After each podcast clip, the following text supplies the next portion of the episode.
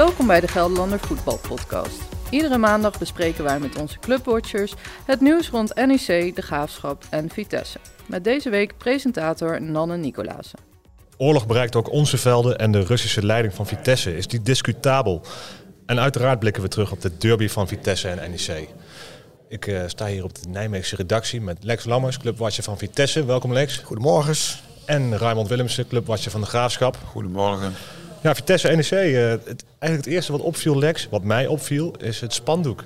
Pure passie. Ja, dat was een goede verwijzing naar de NEC-fan. Die uh, zich natuurlijk. Uh, die kwamen bij de eerste derby met pure haat. Goedgekeurd door uh, de directeur van NEC, hè, meneer Wilco van Schaik, want die moeten er altijd van af weten. En ik moet zeggen, de actie van Vitesse um, supporters, die was natuurlijk briljant. Dat was ook een beetje, beetje plagerig. Ik moet zeggen, ook wel grappig. Aan de andere kant hing natuurlijk ook nog een spandoek van NEC. Dat was ook toegestaan door Vitesse. NEC van uitsupporters moeten erbij zijn. Maar goed, die waren er niet bij. Nee, die waren er niet bij. Jammer hè? Ja, nou, dat zonde hoort wel bij een derby. Al moet ik wel zeggen, het was lekker rustig dit keer. Ja, dat is ook wel eens, uh, wel eens anders. Kijk, rondom het stadion merk je gewoon dat de sfeer nu veel gemoedelijker was. Maar toch iedereen een beetje, ja, je weet maar nooit of er confrontaties komen met, uh, met tussen Nijmeegse en Arnhemse supporters. Nou is dat in Gelderdoom eigenlijk bijna nooit, want dat is een makkelijk te beveiligen stadion. Maar het was, was, in de aanloop was het gewoon best, wel best wel relaxed. Ja, uh, wat vind jij daarvan? Hè? Want NEC profileert zich, of in ieder geval supporters profileren zich veel met... Nou, ik heb teksten als Arnhem dood gehoord en, en pure haat moet je niet gewoon je eigen club veel meer supporten in plaats van die richten op de tegenstander en daar je haatgevoelens ja, dat lijkt me dat elk normaal denkend mens uh, dat hij dat afkeurt, zulke dingen. Dat slaat natuurlijk ook helemaal door en daarom loopt het ook zo uit de hand. En als het klopt wat Lex zegt, dat dat spandoek goedgekeurd is door Van Schaik, dan denk ik, ja, meneer, dat heb je niet goed gedaan. Ja, ja dat is van de vorige derby was dat. Ja, dat hè? weet ik. Maar want, dan denk ik, dat heb je niet goed gedaan. Want je gooit alleen maar olie op het vuur. Nou, nee, maar die spandoeken zijn heel groot. Hè? Dus die moeten van tevoren altijd goedgekeurd worden door de clubleiding. Dus ja, nou ja, en uiteindelijk is een directeur verantwoordelijk. Of hij dat dan wel of niet heeft gezien op dat moment. Maar dat is wel je verantwoordelijkheid. Ja, hey, en uh, even over de wedstrijd. Want het werd uh, 4-1 voor Vitesse. Uh, heeft NEC een lesje verdedigen gehad? Nou ja, bij standaard situaties wel. Het is, uh, in het voetbal, het moderne voetbal zijn de standaard situaties zijn ontzettend belangrijk. Daar gaan sportparken voor dicht. Daar wordt minutieus op getraind. Daar moet je goed, moet je goed staan. Ja, ik bedoel, één keer kan gebeuren, maar het gebeurde drie keer. En er waren wel meer vrije trappen voorzetten waar NEC uh, het moeilijk had. Dus ja, dat hebben ze gewoon slecht gedaan. Ja, terwijl NEC toch bekend staat om een betrouwbare defensie, hebben we hier ook een keer geopperd. Ja, nou ja, goed. Dat was gisteren dus niet betrouwbaar, zo simpel is het ook. Um, ja, ik had het met Raymond ook van tevoren al over. Wij moeten NEC ook niet groter maken. Ze hebben een fantastisch seizoen. Ze hebben fantastische resultaten. Ik vind het voetbal niet om aan te gluren. Maar de resultaten zijn. Kijk, als het resultaat heilig wordt verklaard, dan doen ze het goed. En dan is er niet zoveel aan de hand. Maar dan hebben we het wel over een andere gradatieclub dan de subtop in Nederland. De subtop in Nederland is toch wel weer echt weer een stap hoger. En ja, dat is het niet. Uh, toch scheelde het maar zes punten op de ranglijst tussen ja. Vitesse en NEC. Ja, inmiddels negen natuurlijk. Ja, maar dat, dat heeft ook veel te maken dat Vitesse eigenlijk het hele seizoen niet goed voetbalt. Alleen gisteren zie je dan bijvoorbeeld wel een verschil zit in intentie. Uh, ze spelen allebei uh, met, met, met, vijf verdedigers en drie middenvelders. Kijk, Vitesse speelt met wingbacks die diep staan en middenvelders die willen aanvallen. Bij NEC stonden de wingbacks om te verdedigen en de middenvelders allemaal om te verdedigen. Dus ze spelen gewoon super verdedigend. Het is gewoon catenaccio en daar moet je van houden. Ja, ik vind het verschrikkelijk. Ik ben meer van de Braziliaanse school. Maar je bereikt er ook niks mee. Het enige wat je bereikt, als ik supporter van NEC zou zijn, ja, ik zou niet genieten van het voetbal van NEC. En ik weet, je bent voor de club. Maar... Hij heeft er natuurlijk wel, Rogier Meijer heeft er natuurlijk wel veel mee bereikt in, in vorige wedstrijden.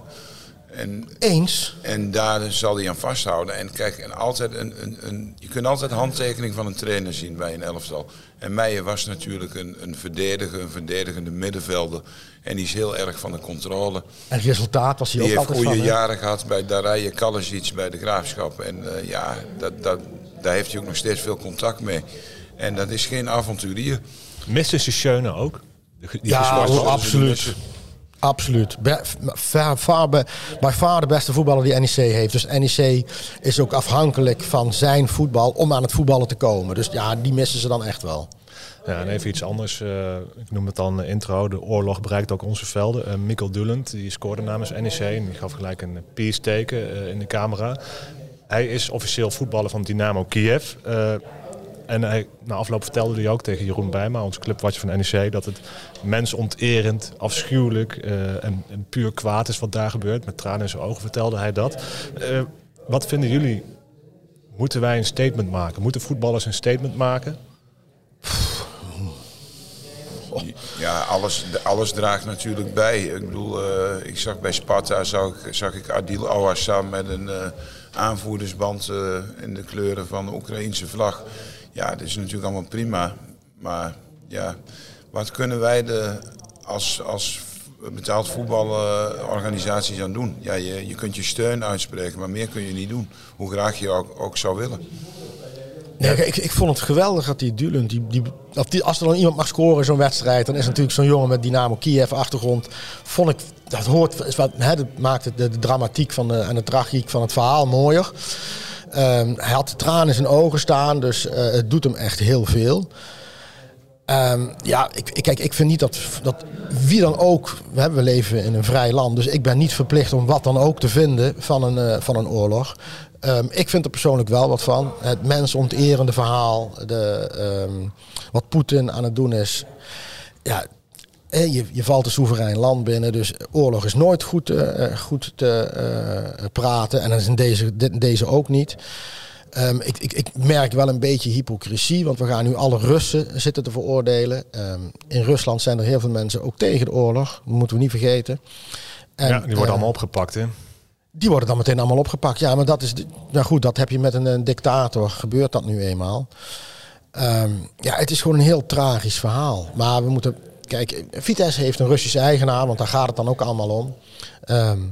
Ja, hoe discutabel is die, Lex? Weet je dat? Nou, wat ik weet, daar gaat het even niet om. Het gaat erom dat wij kunnen bewijzen, onomstotelijk, dat deze man gelinkt is aan uh, het regime van Poetin. En we moeten onomstotelijk kunnen bewijzen dat zijn geld fout is.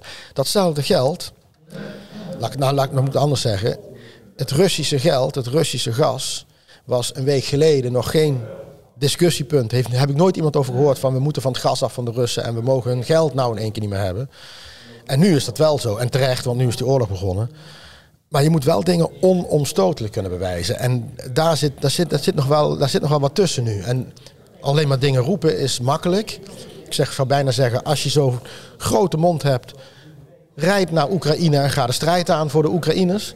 Of rijd naar Moskou en ga daar met je spandoek staan. Maar dat doen we ook niet. Dus het is wel makkelijk veel te roepen. Daden is wel iets anders, hè? Ja, maar er is dus nog niks bewezen over Valerie Oif. Nee, er is niks bewezen, nee. Nee, nee ja, dat, is, dat, is, dat is wel belangrijk. Waarbij ik wel zeg, ik zou het wel fijn vinden als club. Maar ja, Vitesse zit nu eenmaal zo niet in elkaar. Ze moeten eigenlijk een statement maken, wij zijn tegen de oorlog. En ik, wat ik wel weet is dat Oif natuurlijk helemaal niet zit te wachten op die oorlog. En geen enkele van die oligarchen. Want die worden hierin meegesleept. En er zijn er ook heel veel die echt wel tegen oorlog zijn. Hè?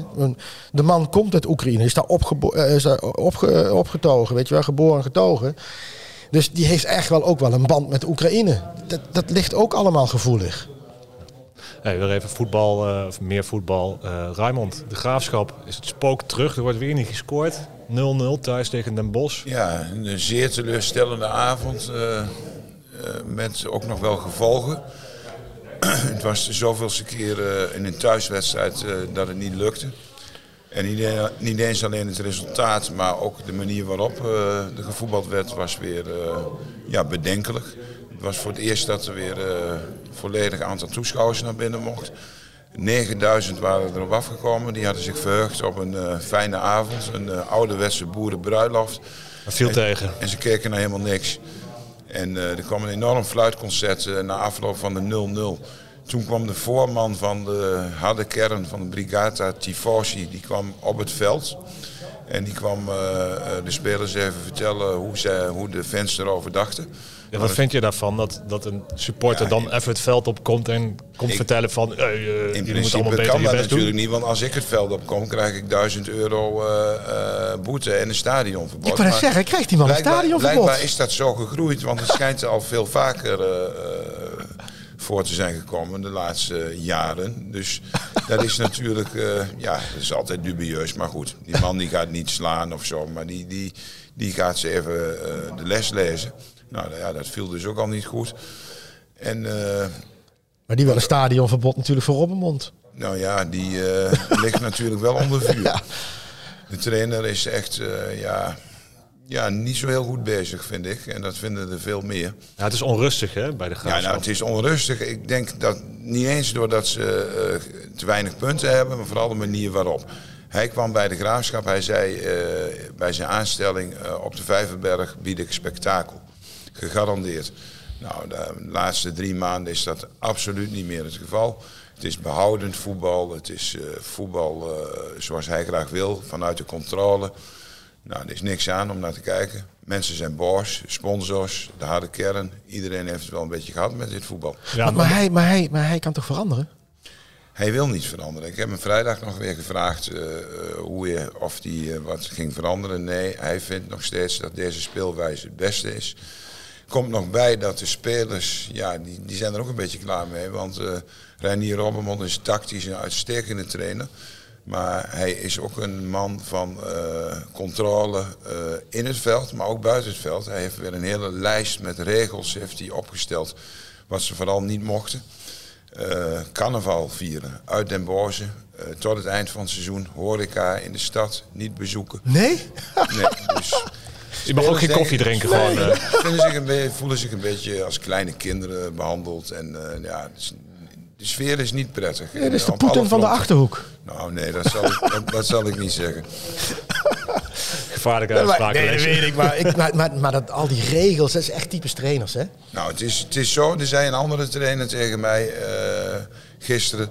Die zei, ze, kunnen beter één dag goed met elkaar gaan zuipen dan tien keer trainen. En is ik het... denk dat daar zeker wat in zit. Is de positie van uh, Robbenmond inmiddels ja, om het woord discutabel maar weer te gebruiken. Ja, die man heeft, je, weet altijd hoe het gaat in het voetbal. Ik denk nog steeds een goede trainer. Maar hij heeft ook geen assistent die weerwoord kan geven.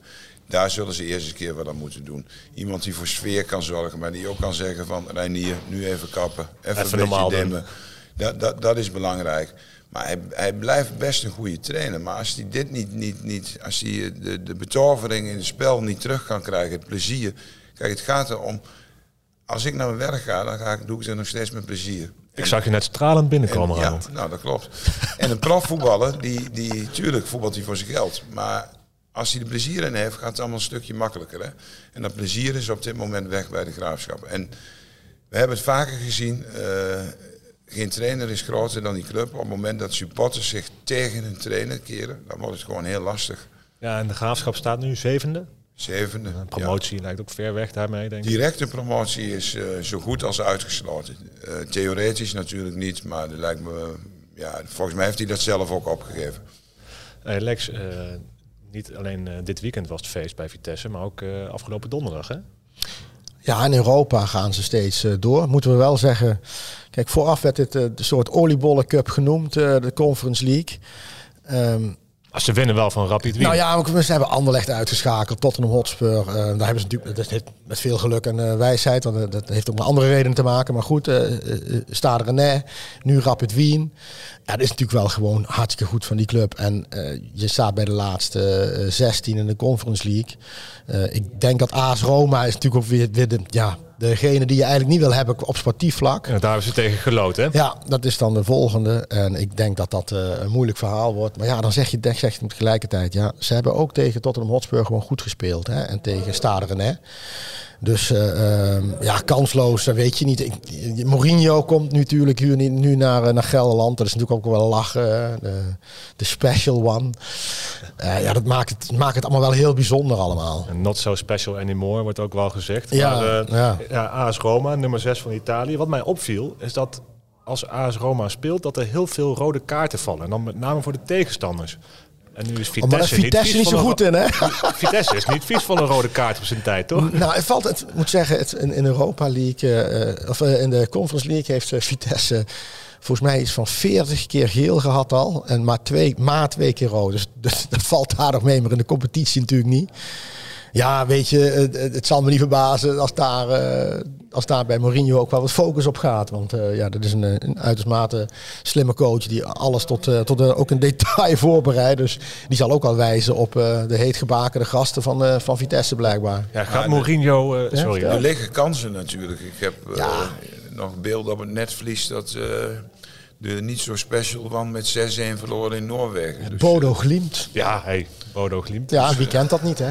Een stunt is niet uitgesloten. Nee, maar goed, maar, het, klopt. En, maar Vitesse is gewoon de underdog. En uh, als, als, als zij het niveau halen van, van, van Tottenham, die uitwedstrijd bij Tottenham, en, en het niveau halen uit bij, bij, bij Ren, dan, heeft, dan speelt Vitesse gewoon een uh, goed partijtje mee. Dus dan, ja, dan wil ik het nog wel zien. En neemt AS Roma en Mourinho die Conference League wel serieus, denken jullie? Nou, getuigen die 6-1 zou ik wel zeggen niet. Ja, maar laten we wel natuurlijk. Hè. Maar, maar het is wel, hoe verder je komt, hoe serieuzer zo'n club het ook neemt. Dus uh, denk ik dat er nu geen sprake meer van is dat ze de boel onderschatten of met uh, de derde keus uh, aantreden. Nee, kijk, ze hebben bijvoorbeeld Tammy Abraham hebben ze daar in de spits lopen. Uh, die komt van Chelsea af. En uh, in de jeugd was die, uh, was die populair. Talent, ja, was een, een van de grote talenten. De Vitesse heeft er ook echt serieus werk van gemaakt toen. Maar uh, ja, die koos toen voor een uh, club en championship, geloof ik. Um, dus die was niet haalbaar, maar ja, dat was, dat was, en die gaat nu dan tegen Vitesse spelen. Ja, dat vind ik ook wel speciaal. Ja, weet je, als dat soort gasten meedoen, dan wordt het, wordt het heel anders. Uh, en ik neem aan dat ze dat wel serieus nemen. Ik denk dat Leicester City nou ook wel serieus met de hele materie omgaat. Al weet je het nooit met de Engelsen. Uh, de Engelse Italianen hebben wel een beetje de neiging om een beetje de derde keuze dan neer te zetten. En zien we wat schip strand. Ja. Maar Mourinho die is ook eentje die wil prijzen pakken. Dus ik, ik kan me voorstellen als ze nou ook een beetje zien welke clubs er nog allemaal in zitten, dan schatten zij zichzelf heel erg hoog in. Ja, 10 maart. Eerst thuis hè? Ja, eerst thuis.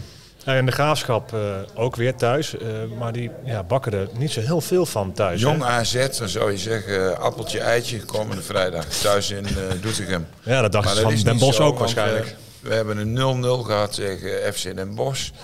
Uh, 2-1 verloren van uh, VVV thuis. 1-0 verloren van de Hekkensluiter, Helmond Sport. Gelijk gespeeld tegen Jong FC Utrecht. Oh, dus het houdt allemaal nee. niet uh, op. En vooral tegen die kleintjes. De graafschap, het bijzondere eraan is dat ze in de uitwedstrijden geweldig doen. Ze halen daar veruit de meeste punten van alle clubs. Maar die thuiswedstrijden, die nekken hun. En ik denk dat dat ook te maken heeft met dat ja, ze gewoon niet durven. Misschien door de supporters die dan na afloop op het veld komen, dat, het, dat de druk te hoog is. Nee, want ze hebben ook heel veel wedstrijden zonder publiek gespeeld. Ja, snap ik. En uh, daar, daar ging het ook niet goed. Nee. Maar het is eigenlijk een beetje een cultuurshock als je de graafschap qua karakter kent, hè? Altijd aanvallen en dran en uh, stoem en drang. En, en dat dat nu eigenlijk, ja, dat doen ze nu dus gewoon helemaal niet. Kijk maar, de, de, de leukste jaren op de Vijverberg, dat was met trainers die echt uh, durfden aan te vallen. En dan gaat het publiek er ook achter staan. En dan kun je ook een keer met, uh, met 4-0 verliezen. En dan uh, kun je nog uh, met een klaterend applaus richting de kleedkamer. Maar nee, hier vinden de mensen niks aan. En dat moet deze trainer, nogmaals, zou die niet moeten onderschatten. Ja, nou, we gaan het zien vrijdag. En daarna heeft de graafschap volgens mij ook nog behoorlijk wat pittige wedstrijden voor de boeg. die gaan we uiteraard de komende weken bespreken hier. als je naar andere afleveringen terug wil luisteren, dat kan natuurlijk op dg.nl slash podcast. Dankjewel voor het luisteren.